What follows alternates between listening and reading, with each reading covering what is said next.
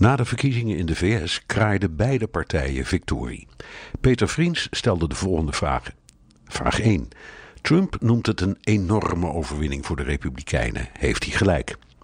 Hij heeft een punt. De Republikeinse meerderheid in de Senaat groeide. Vooral overwinningen in de swing states Florida en Ohio waren heel belangrijk.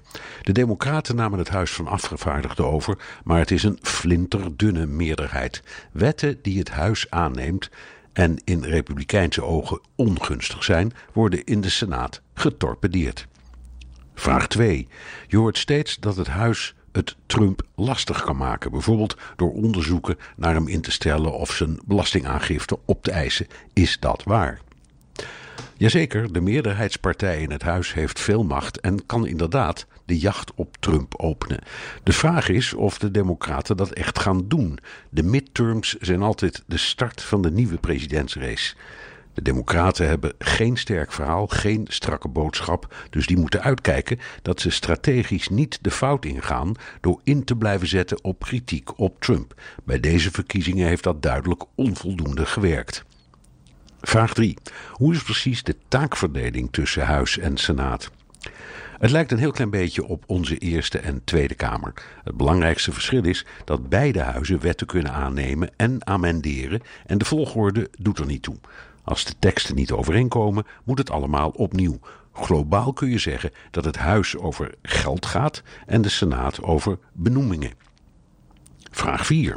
In 2020 zijn er weer verkiezingen. Hoe zit dat precies? In het huis zitten 435 leden. Zij worden voor twee jaar gekozen. De Senaat telt 100 leden die een termijn van zes jaar hebben. Elke twee jaar wordt een derde van de Senaat gekozen. Elke vier jaar kiest Amerika een president. In 2020 vallen de presidents- en congresverkiezingen dus samen. En voor alle races beginnen de campagnes nu al vrijwel meteen. Vraag 5 doet Trump in 2020 weer mee. In zijn persconferentie afgelopen woensdag bevestigde hij dat nog eens. Dat betekent dat de kans dat er republikeinse tegenkandidaten komen minimaal is. Daar ligt de kans van de Democraten. Door de meerderheid in het huis kunnen ze zich beter profileren. Je zou zeggen, op een bevolking van 320 miljoen mensen moet er toch een goede kandidaat te vinden zijn. Dank, Peter Vriends.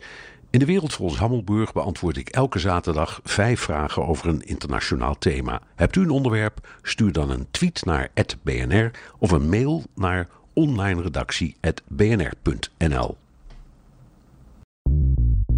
Bij BNR ben je altijd als eerste op de hoogte van het laatste nieuws. Luister dagelijks live via internet. Jelle Maasbach. Wesley Weert. We zijn er voor je met het leukste, opvallendste, maar natuurlijk ook het belangrijkste nieuws. Tijdens de presentatie van die halfjaarcijfers toen die beurskoers in elkaar kukkelde. BNR Beurs. Voor de slimme belegger. Blijf scherp en mis niets.